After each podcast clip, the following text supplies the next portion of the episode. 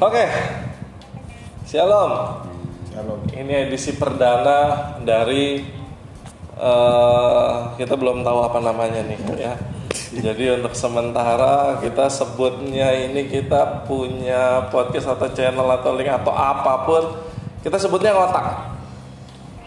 Ngotak ini usulan dari Kyong Kyong nih. Artinya apa Kyong?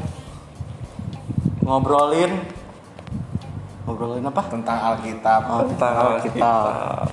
Mungkin kesannya tabu, mungkin kesannya kayak ah so suci, ah so baik. Sebetulnya tujuan ini dibentuk itu bukannya kita mau murni secara hmm, mau ngebahas tentang Alkitab sepenuhnya gitu enggak, tapi justru kita mau ngomongin atau bicarain tentang keresahan anak-anak muda, keresahan orang-orang sekarang yang pengen coba nanyain, cuma mau nanyain sama pendeta nih kayaknya nggak enak, kayaknya kaku gitu Malu, kan, gitu. malu bener rasanya.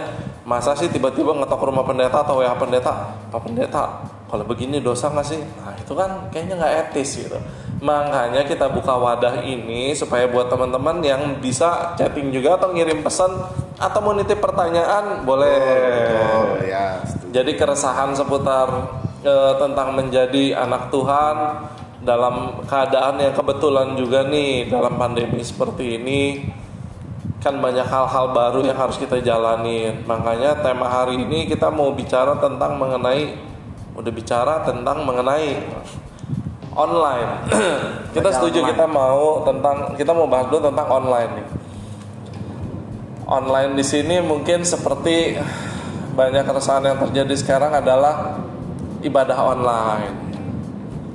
Semuanya nih serba online. Kayaknya nggak hanya ibadah nih. Jualan juga kayaknya udah jualannya sekarang online ya. Online. Sekalian boleh diiklanin. boleh lah dipesan di Gojek Iya.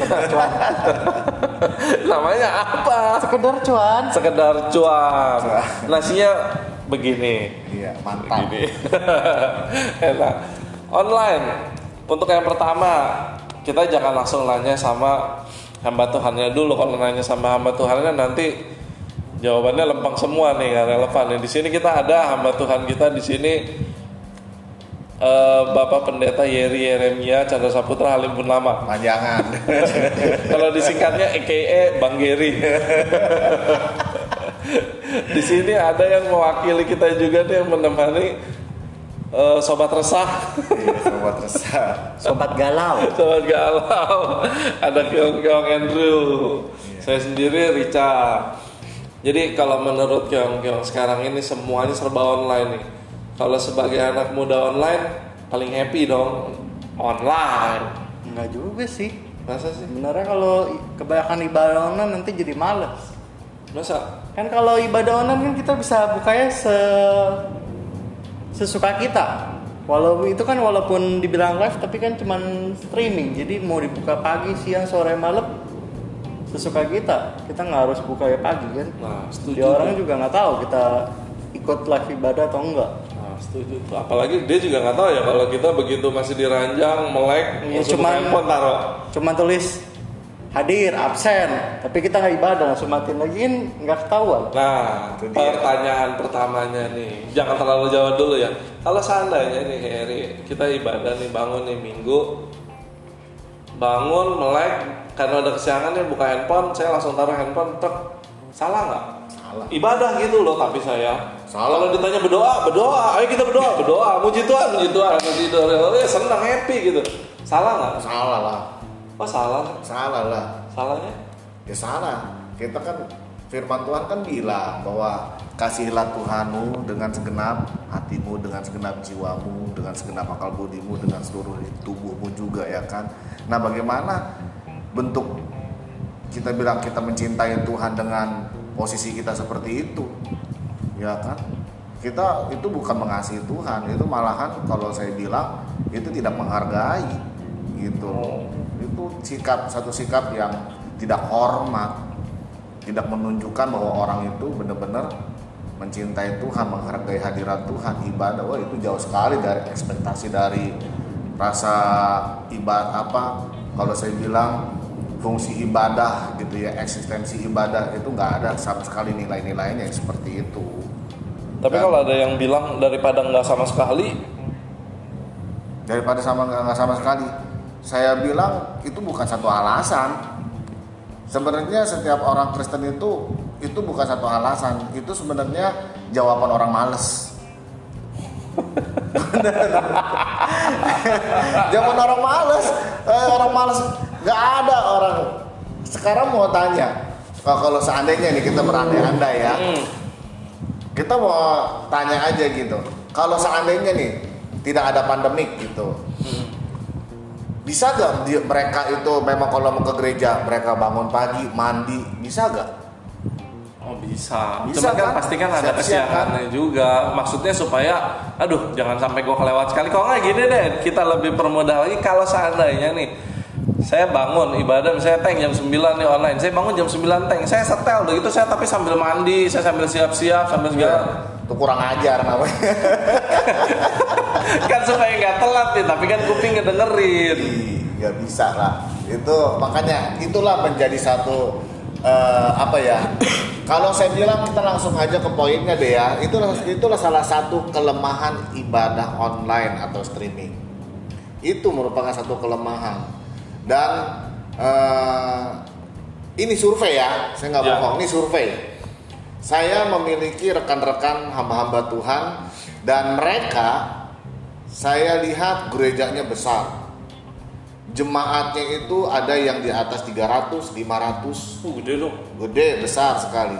Tetapi ketika mereka menyiarkan streaming online langsung, tahu saya kaget melihat yang menonton hanya 10 orang termasuk saya. 10 orang. Ma- Mahal nih. Iya. Ini itu yang bilang tadi kan, walaupun dia streaming Ke mana gitu yang kan, lainnya? tapi dia nggak live, orang bisa nontonnya jam berapa Nah, nah, itu dia nanti setelah setelah sekian lama seperti tadi ketika dicek sore baru agak ramai yang menontonnya. Karena Dengan- karena ya, ibadah online ini orang jadi Satu. ah, gua mau ibadahnya jam segini lah. Jadi dengan kata apa? Kelemahannya itu. Yang pertama tidak menghormati, tidak menghormati, tidak menghargai lah. Maksudnya ya kita kan tahu gereja kan merupakan satu wadah ya, di mana tempat kita bertumbuh di situ eh, Tuhan juga kita percayalah bahwa melalui gembala, melalui gereja lokal, iman kita bertumbuh di situ. Di situ kita eh, belajar untuk tunduk pada otoritas, ya kan? Kita belajar juga tunduk kepada peraturan, segala jadwal yang ada. Nah, di situ kalau seandainya kita meng- tidak mengikuti berarti ya sama juga kita tidak taat gitu loh. Karena apa? Berarti orang itu tidak, tidak mau juga bertumbuh di gereja itu sesuai dengan aturan-aturan yang ada. Dan yang kedua, kita akan melihat bahwa bukan hanya tidak sikap tidak menghormati tetapi juga tidak disiplin jadinya. Ya kan? Mau maunya gue kata tadi kapan mau buka online begitu ataupun juga sebentar masuk ntar keluar. Ntar masuk ntar keluar. Ada kayak begitu. Ya kan Seandainya gini nih, sekarang pertanyaannya adalah bukan pertanyaan sih, kalau bukannya mau coba tawar menawar, tapi ini kan mau ngejawab keresahan nih, pertanyaan penasaran ini kan nggak mungkin ditanyain kalau lagi ibadah kan.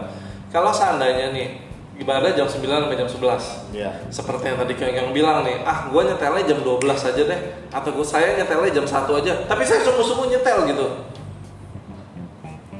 saya katakan bahwa itu tetap tidak maksimal gitu karena firman Tuhan kan berkata bahwa memang Tuhan hadir di mana saja dan kapan pun. Tetapi ketika di mana ada kesatuan di situ loh. Ya saya percaya bahwa di situ pun juga Tuhan pun juga akan menyatakan kehadirannya.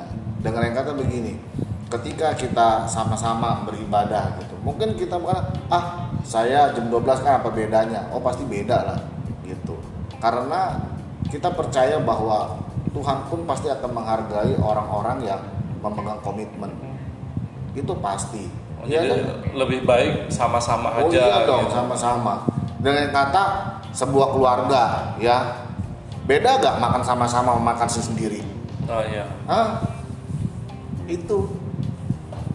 Di mana ketika kita makan sama-sama, di situ nilai nilai ada kesatuan, di situ nilai kita apa ya kebersamaan dalam keluarga benar-benar pokoknya terasa banget dah gitu. Dibandingkan kita makan sendiri-sendiri akan merasa cuek-cuekan gitu.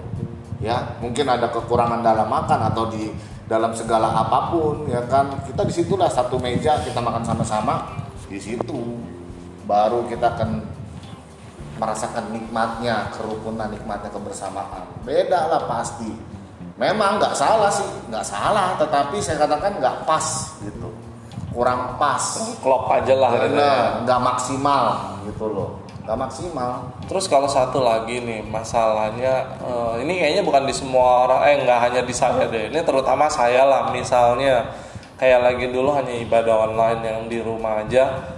Eh, memang sekarang kita pun kembali ke ibadah online karena kita menjaga protokol kesehatan supaya mencegah jemaat di sini tertular dari COVID-19 kita ikut berpartisipasi sama pemerintah kan ketika ibadah online di rumah bukan saya doang lah.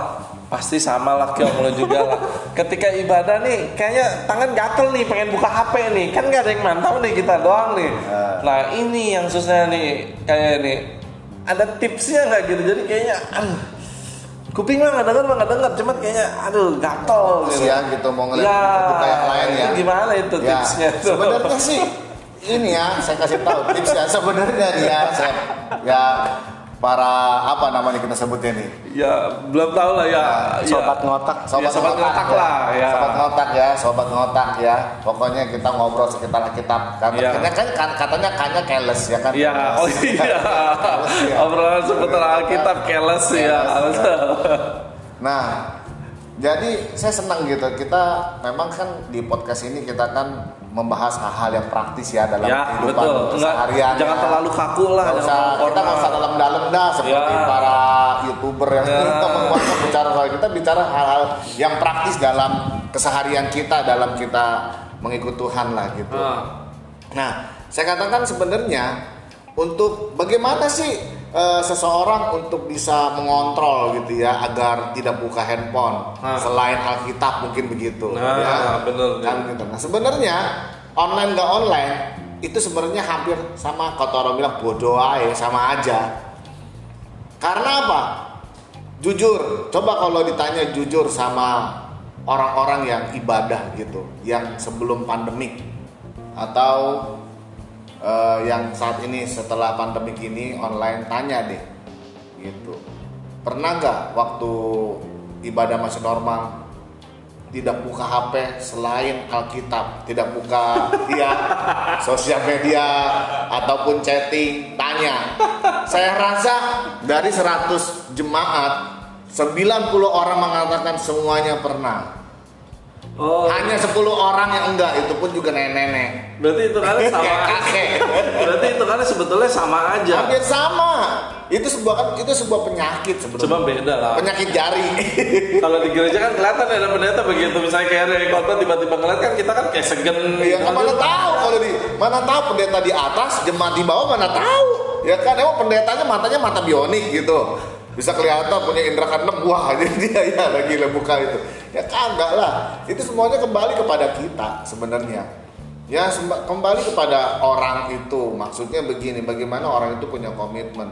Yang pertama dia harus sadar bahwa sekalipun dia ibadah mungkin orang lain tidak melihat dia dia buka apa tetapi kita kita harus punya eh, apa ya di dalam hati ini rasa hormat kepada Tuhan itu harus ada dan ingat mata Tuhan melihat apa yang kita perbuat lagu sekolah minggu ya kan mata coba? Tuhan melihat apa yang kita perbuat nah jadi itu seharusnya yang timbul yang harus kita apa ya yang harus kita sadarkan dalam diri kita bahwa sebenarnya itu semuanya tergantung orang lah ya Oh.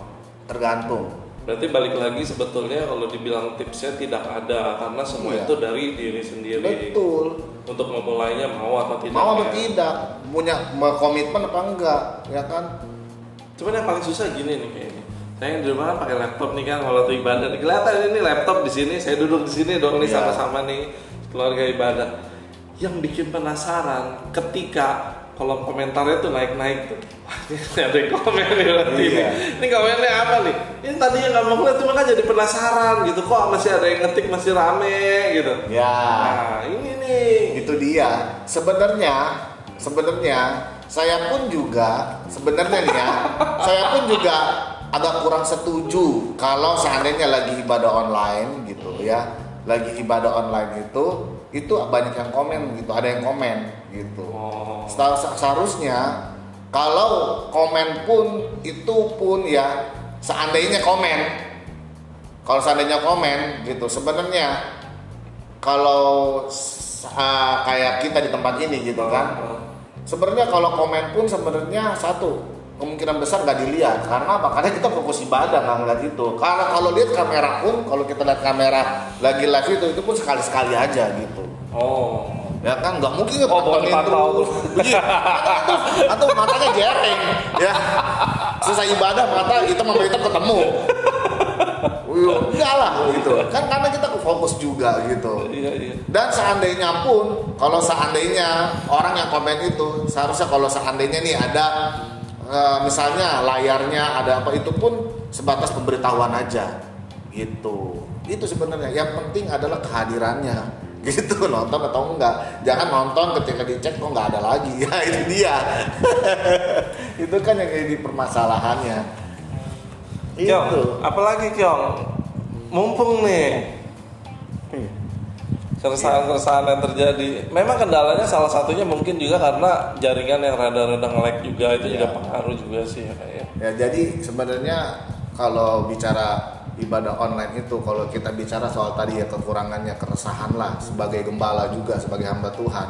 Ya satu itu tadi karena ibadah pasti pasti akan banyak tidak disiplinnya. Pasti tidak disiplin, banyak kekurangan karena apa tidak disiplin? Ya seperti tadi rasa tidak menghormati Tuhan pasti ada. Mungkin dari 100 orang gitu kemungkinan ya mungkin yang serius itu hanya beberapa orang bisa dihitung jari. Yang selanjutnya itu nggak tahu entah berantah ke mana gitu. Dan ini dan ini saya sudah survei loh ya saya sudah survei. Dari mungkin saya survei dari lebih dari 20 lebih hamba Tuhan. Bahwa ternyata mereka memiliki eh, satu keresahan yang sama. Jadi saya jadi saya bisa simpulkan semua keresahan hamba-hamba Tuhan itu hampir sama gitu. Maksudnya apa? Kalau melihat jemaat-jemaat dibandingkan ibadah biasa dengan ibadah online, ternyata di ibadah online ini itu banyak sekali kekurangannya. Ya, kekurangan dalam hal apa? Disiplin. Ya, gitu. Ketika lagi ibadah online streaming gitu, harapan kita sebagai gembala ya memang yang yang hadir itu banyak. Ternyata eh ternyata ternyata pada ya pada kenyataannya Sambil makan, Betul. sambil ngobrol. dan itu banyak dan, dan itu salah satunya ya dan salah satunya tidak hadir ya bangun kesiangan bangunnya semau maunya dia karena seperti tadi kata Kyongkong tadi kapan aja mau nonton bisa Oh iya tinggal di replay tinggal ulang. di replay ulang Nah sekarang kalau misalnya wadahnya, kenapa harus pilih wadah yang itu buat streaming ibadah? Kenapa nggak pakai Zoom? satu ya Google Meet Ya, yang benar-benar real time. Kalau dari Facebook, YouTube semua kan, kalau udah selesai kan bisa dinonton ulang. Mhm. Kalau cuman kayak video call lewat Zoom kan, benar-benar real time. Mungkin kelemahannya mungkin salah satunya gini kali ya. Kalau Zoom nggak semua orang bisa Zoom. Apalagi kendalanya kita nggak usah di tempat lain lah. Kalau di kita gitu mungkin banyak orang tua Betul. yang nggak ngerti apa itu Zoom, apa itu Meet. Iya. Dan kedua biasanya nih yang udah pernah kita coba nih nggak usah di gereja dah sekolah 30 anak atau 20 anak nih begitu Zoom, eh chaos. Iya, sekolah kan pada pakai Zoom. Jadi Chaos semua. Waduh, rame. bener. Waduh. Kan bisa di mute. bisa Waduh, bisa Ya nggak tahu dah, mungkin itu boleh jadi satu pertimbangan juga. Mungkin kita bisa punya account khusus buat tatap muka. sebenarnya sebenarnya eh, kalau bicara kenapa nggak di zoom wadahnya itu sebenarnya itu kembali kepada gereja masing-masing sih satu hal tadi mungkin tidak semua orang punya atau pengen eh, nggak usah jauh-jauh eh dong eh, kamu do- download aplikasi zoom. Banyak yang aduh handphone saya nggak kuat handphone saya gini ya kan? Makan kuota lagi lagi mana? Mungkin kita nggak tahu ya alasan begitu. Atau hal yang yang lainnya lagi Kenapa eh, tidak pakai Zoom? Ya mungkin ada kebijakan dari gereja setempat atau gimana. Daripada nggak ibadah sama sekali, daripada nggak ibadah sama seperti tadi, lebih baik terlambat daripada enggak. Walaupun ya kan, ya ibarat tadi Iya. nggak makan ngumpul bersama, ah, makan sendiri sendiri lah gitu. Tetapi ibarat, tapi saya katakan kembali lagi bahwa pasti eh, nilai ibadahnya itu, eksistensi ibadahnya itu pasti berkurang lah, pasti. Tidak sebagaimana eh, rasa ketika, yuk kita mari berdoa bersama-sama. ketemu langsung Ya kan? Enggak, mari kita berdoa sama-sama. Tetapi setidaknya kita tahu pada saat itu online semuanya lagi doa sama-sama. oh betul mungkin satu lagi yang bisa ditambahkan Kalau nggak lagi online lagi sendiri, mereka doa sama-sama. Lah, gua doa sendiri ini doa nih. Kan udah lewat yang lainnya.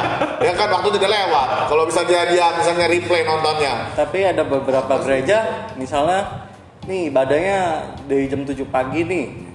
Biasa hari Senin Senin paginya ibadah yang hari Minggunya udah nggak ada. Oh dihapus, Dihapus. Oh, Bisa begitu. Jadi- supaya orang jadi kalau udah- menghargai udah lewat udah. Udah. itu makanya kembali kebijakan dari gereja masing-masing. Tapi mungkin kalau Zoom gini kali ya, kalau kita bikin pakai Zoom untuk ibadah online, rasanya itu nggak mungkin karena sebetulnya ibadah online itu seharusnya hanya satu arah. Kalau dibikin dua arah, ada aja kendalanya nanti Ya. kepencet mic-nya lah tiba-tiba jadi Betul, berisik, Bisa, bisa. kepencet atau apa jadi error. Memang lebih baik hanya satu arah sih, nggak dibikin dua arah karena Benar. akan jadi chaos nantinya. Begitu kepencet atau nggak sengaja kepencet, Benar. banyak kejadian yang aneh-aneh gitu pada saat Betul. kepencet lagi apalah tiba-tiba anaknya teriak Betul. apa jadi mengganggu ibadah juga. Saya punya pertanyaan satu lagi nih kayak, kayak misalnya eh, di tempat kita setiap minggu itu pasti ada kegiatan rutin untuk eh, selain ibadah lah untuk anak-anak muda, untuk yang lain pun baik seperti doa, komsel dan lain-lain. Yang sebenarnya terjadi adalah sekarang gini. Mungkin kalau saya ngelihatnya ya sudut pandangnya adalah sekarang ini mereka sudah mulai banyak kegiatan positif yang hilang karena pandemi ini. Secara nggak langsung seperti misalnya komsel, ibadah yud pada hari Sabtu atau apa pun gitu. Semuanya ini kan jadi hilang nih, rada berkurang secara tidak langsung semangat atau apinya nih hilang nih, mulai padam, mulai Iya. berkurang. Nah sebetulnya mau ngejaganya itu gimana sih, kayak supaya bisa tetap dalam komunitas yang benar? Karena kalau hanya sebatas grup, enggak lah itu. Kalau saya bilang itu sangat jauh sekali lah, karena tetap aja secara fisikly kita kehilangan gitu satu momen atau waktu yang benar-benar kumpulannya positif gitu hilang gitu. Kayak misalnya kita komsel atau Sabtu, hilang. Jadi mau tidak mau saya akan nyari atau bukan hanya saya mungkin orang lain akan nyari sebuah kegiatan rutin lain sebagai pengganti ibadah ini gitu. Nah secara otomatis kan mau tidak mau semangatnya nih hilang gitu loh atau kendor gitu. Ini gimana sih caranya supaya bisa tetap ngejaga itu semua gitu? Satu, eh, sebenarnya ini merupakan satu keresahan juga ya, maksud keresahan menjadi pergumulan oleh hamba-hamba Tuhan juga, gembala juga khususnya. Kenapa? Karena kalau bicara anak muda, Bang Haji bilang darah muda. oh kak Eh, ah, eh, oh darahnya parah. ya kan? iya Darah anak muda itu kalau apalagi kalau bicara zaman sekarang ini zaman dulu juga sama lah sama sebenarnya zaman dulu zaman sekarang sebenarnya itulah yang yang harus yang menjadi keresahan ya kerisauan juga bahwa ya tahu sendirilah kalau mereka lebih cenderung itu lebih suka itu seperti kayak lebih have fun gitu Ya, ngumpul-ngumpul. Senang-senang ngabisin duit foya-foya terus kadang-kadang hal-hal yang gak jelas bahkan tidak sedikit juga yang nyerempet-nyerempet ke dosa. Karyanya lebih sedap dan lebih nikmat gitu loh Hmm. Jangan lihat ini. bener ya Iya, rasa gue diomongin. Nah, ke sana aja. makanya saya tunjukkan lima nggak mau begitu Iya, jebar nih. ya jadi itu memang sebenarnya kenyataannya Sa- tapi eh, saya memiliki, eh, memberikan satu tips ada beberapa aja mungkin dua atau tiga Satu tips ada Satu beberapa aja aja. satu dua ada ya Iya, dua siap. ada ya. yang pertama bagaimana supaya anak-anak muda ini yang kehilangan kegiatan ibadahnya hal-hal yang positif itu karena pandemik ini bagaimana agar bisa tetap menjangkau mereka setidaknya mereka tetap dalam komunitas yang benar atau mereka tidak eh, melakukan hal-hal yang menyerempet-nyerempet dosa lah gitu. Karena zaman sekarang jelas ya eh, apa anak-anak muda sepertinya kayak hilang arah gitu Iya. nggak wah nggak ada ibadah oh bebas mau ngapain aja nggak ada nggak ada yang nggak ada nggak ada yang tahu gembala nggak tahu kakak pembina rohani nggak tahu apa semuanya penting kan di WA, saya jawabnya iya, oke Iya, sih. itu dia satu ya yang yang menjadi perenungan saya bahwa ini tugas kita sebagai pemimpin-pemimpin ya sebagai gembala sebagai pembina rohani yang mendengarkan ini juga saya hanya mem- membagikan apa yang saya dapat begitu. Yang pertama yang harus kita lakukan adalah kita harus tetap menghubungi mereka gitu, memberikan perhatian. Sekalipun kita tidak bertemu langsung setiap hari, mungkin kalau dulu waktu masih normal kan kita sering ketemu mereka dalam seminggu bisa 3-4 kali ya kan? Bahkan dalam gak ibadah pun suka datang ke gereja suka ketemu apa gimana. Tapi karena pandemi gini kan kita kan jaga jarak dan sebagainya. Segi bagaimana? Ya satu kita komunikasi kembali bina hubungan. Maksudnya apa? Kita punya handphone. Ya handphone ini kan bisa juga kita gunakan untuk melayani Tuhan. Besuk-besuk bisa lewat handphone gitu Telepon lah. ah, gitu ya. telepon video call Oh, chatting. gitu lah, chatting minimal gitu itu bisa gitu menanyakan mereka bagaimana apa kabar apa, apa kabar apa gimana gimana kita bisa tanya kita apa gimana itu yang pertama bisa kita menanyakan mereka setidaknya setidaknya makanya eh, kayak di gereja kita lah ya bahwa setiap eh, ketua-ketua komsel ya kan pemimpin-pemimpin komsel ini kan punya grup ya kan masing-masing kan. Setidaknya ketua-ketua komsel itu memperhatikan anggota-anggotanya anggota-anggota komselnya dengan cara seperti itu. Menanyakan gimana kabarnya eh, kira-kira mau share ada mau di-sharekan kayak gimana terus kasih motivasi kasih semangat. Itu sebenarnya itu. Sebenarnya tugas seorang pemimpin tugas seorang pimpin tugas seorang pemimpin satu ya kita hanya kasih dia dorongan iman sebenarnya gitu. Kasih dia semangat. Itu sebenarnya itu cukup buat buat jemaat ya buat yang lain.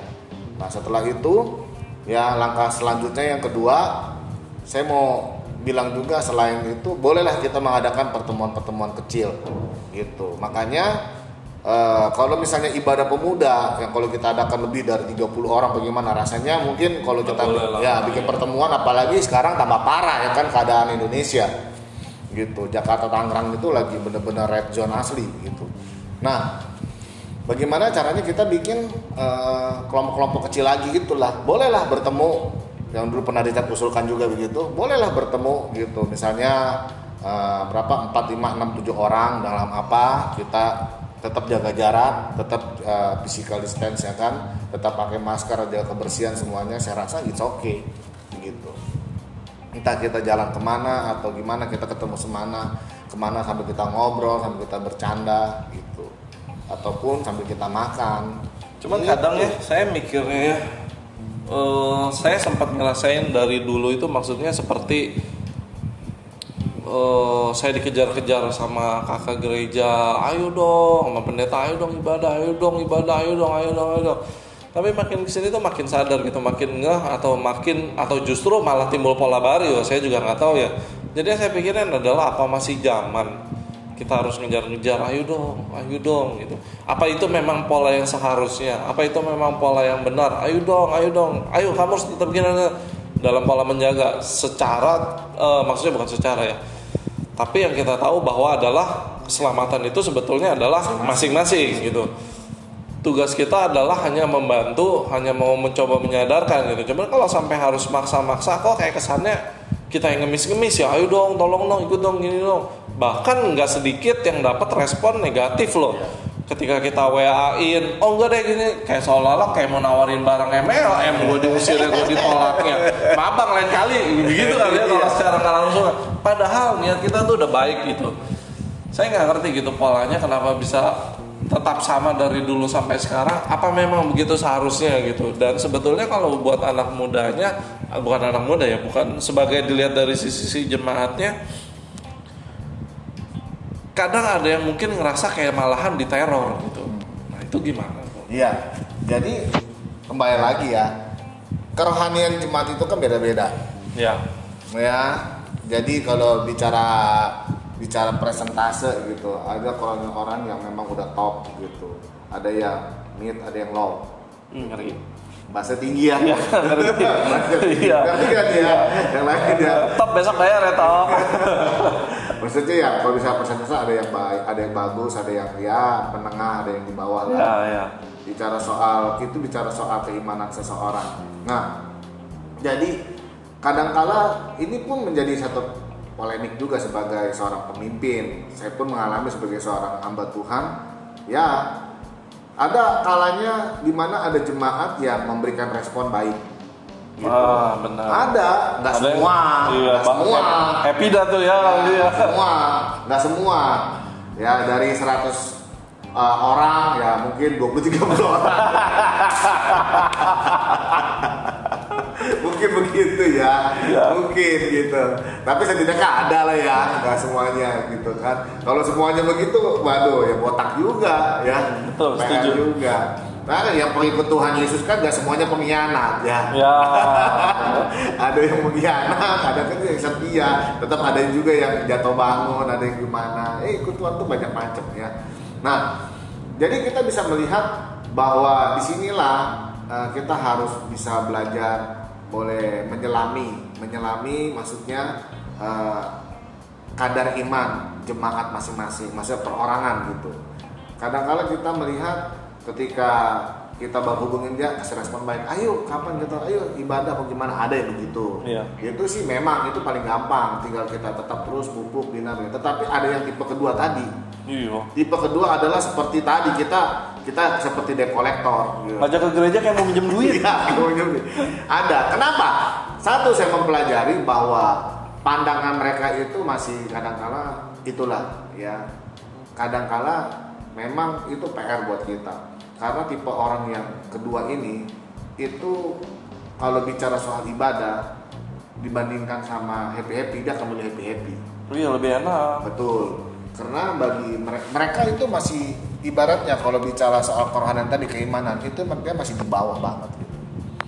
Masih di bawah. Kalau masih yang sudah di atas tadi masih enak. Kalau yang sedang-sedang itu ibaratnya seperti yang di menengah gitu ya. ada tak hilang ada tak Iya, ntar ada, ntar hilang gitu.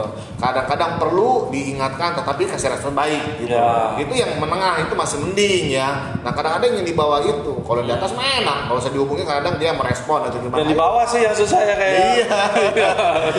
dan itu dan itu apa? Karena satu, karena saya juga pengen kasih tahu bahwa ini merupakan jadi jadi pemasukan juga sebagai kita sebagai orang pemimpin-pemimpin juga. Yang pertama, satu yang menjadi permasalahan buat mereka nih orang-orang yang tipe yang paling bawah nih adalah karena mereka beranggapan bahwa ah ibadah ibadah bosan ibadah itu pikiran mereka pasti bawahnya gitu. Nah makanya eh, perlu juga seorang pemimpin-pemimpin ini, pemimpin rohani juga menciptakan satu eh, ya kayak tadi lah Inovasi.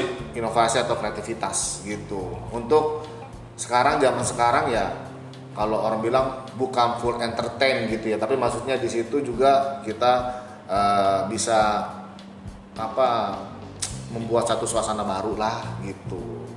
Jadi Jadi, mungkin tidak, ya? Jadi mereka mungkin nggak jenuh. Bisa jadi seperti itu. Karena kecenderungan anak muda kan banyak kan happy happy, senang atau suka suka cita atau gimana. yang bikin males apa sih sebetulnya Ya mungkin monoton gitu. bantal gaya gravitasi kasur itu lebih tinggi Iya. kalau misalnya eh, semua orang pasti pernah lah dalam posisi ah udahlah gua malas ke gereja salah satunya gitu yang pernah lu alamin itu apa Kiong? Salah satunya aja yang pernah lu alamin penyebabnya kenapa sih? Kita pasti sama-sama pernah di posisi yang sangat antusias, pernah juga di posisi yang sangat-sangat ah gitulah.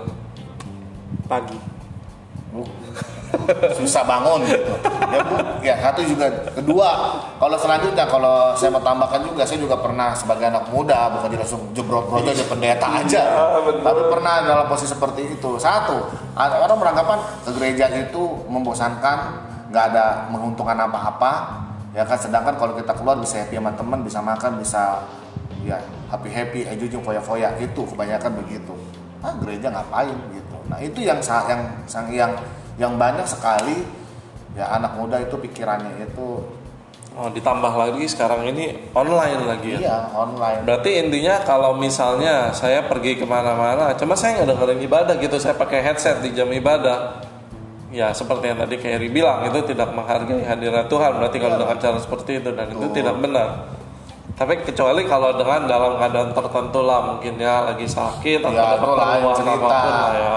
lain cerita beda loh dengan kita misalnya eh, berarti apakah nggak boleh dengerin apa-apa sambil tuh oh boleh lihat situasi kondisi. Saya juga sering dengerin khotbah Iya. orang lain atau teman saya ada begini. Tapi pada saat itu saya lagi nyetir mobil. Itu beda kondisi ya. Itu kan apalagi karena itu mungkin karena dia sudah perenungan biasa di Facebook atau di YouTube kita lihat ya kita tinggal itu namanya kan karena kita uh, partisipan begitu ya. Maksudnya gitu kita pengen hanya sekedar mengenal mengenal mengerti mau, mau tahu atau kita mau mendengar khotbahnya dia.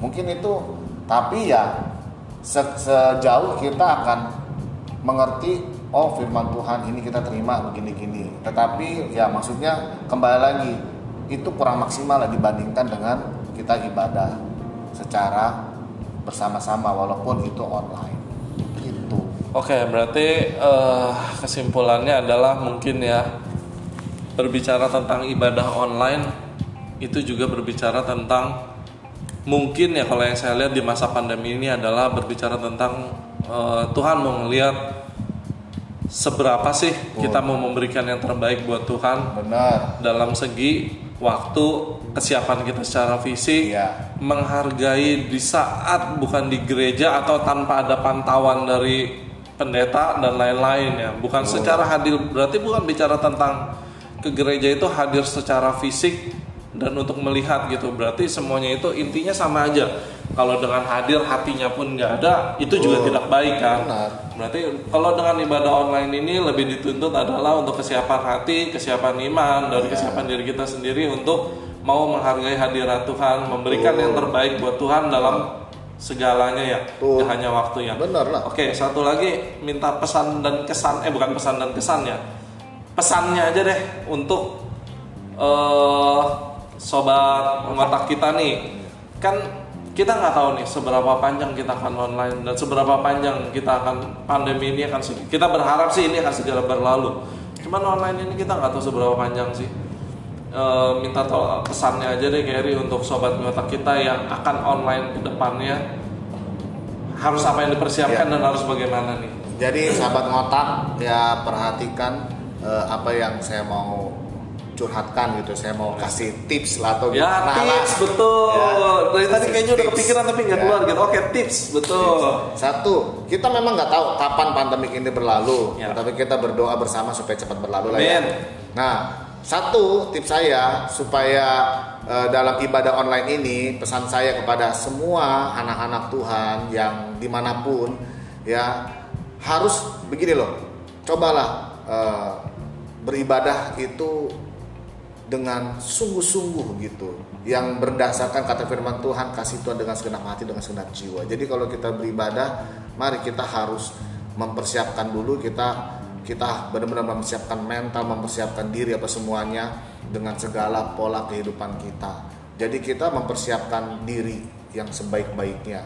Kenapa? Ingat ibadah di rumah itu bukan juga merupakan satu keresahan sebagai gembala tetapi bukan banyak juga kekurangan tetapi juga ada keuntungannya. Ketika kita ibadah dengan sungguh-sungguh dengan segenap hati sekalipun di rumah gitu kita percaya bahwa Tuhan hadir di situ ya intinya mau gak kita bayar harga? Itu kan jadi pertanyaannya. Kadangkala kan karena ibadah online tidurnya semaunya sebebas-bebasnya. Subuh. ya di- udah tahu ibadahnya pagi karena mentang-mentang online. Bisa dibuka. mereka pikir ah kapan aja bisa dibuka Install, kapan aja bisa di replay ya kan? Kapan aja bisa lihat sambil tiduran sambil makan sambil mandi sambil gosok gigi. Ya kan tadi wah banyak segala macam jadi tidurnya nggak teratur segala macamnya ya hidupnya seenak-enaknya bangunnya seenak-enaknya seenak jidat dia ya kan kapan mau bangun aja jam 9 ya 9 kurang 5 baru melek gosok gigi pakaiannya juga pakaian mas pakaian tidur iler di mana-mana ya kan masih bojigong, ibadah online. Ya, Tuhan juga tutup hidung. Waduh, bau. Ya kan gitu.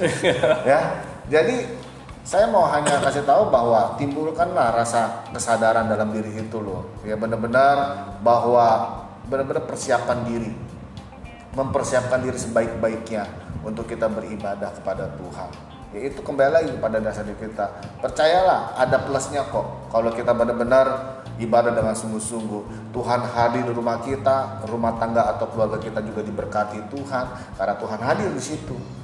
Ya, apa? Yang cilakanya kan udah ibadah online, eh ibadahnya males-malesan, bagaimana Tuhan mau hadir? Ya, lebih parah lagi. Malahan seharusnya yang kedua, kita harus punya kesadaran gini bahwa di pandemik inilah kita harus makin dekat sama Tuhan. Itu harus timbul. Kenapa? Maaf ya, bukan nyumpain.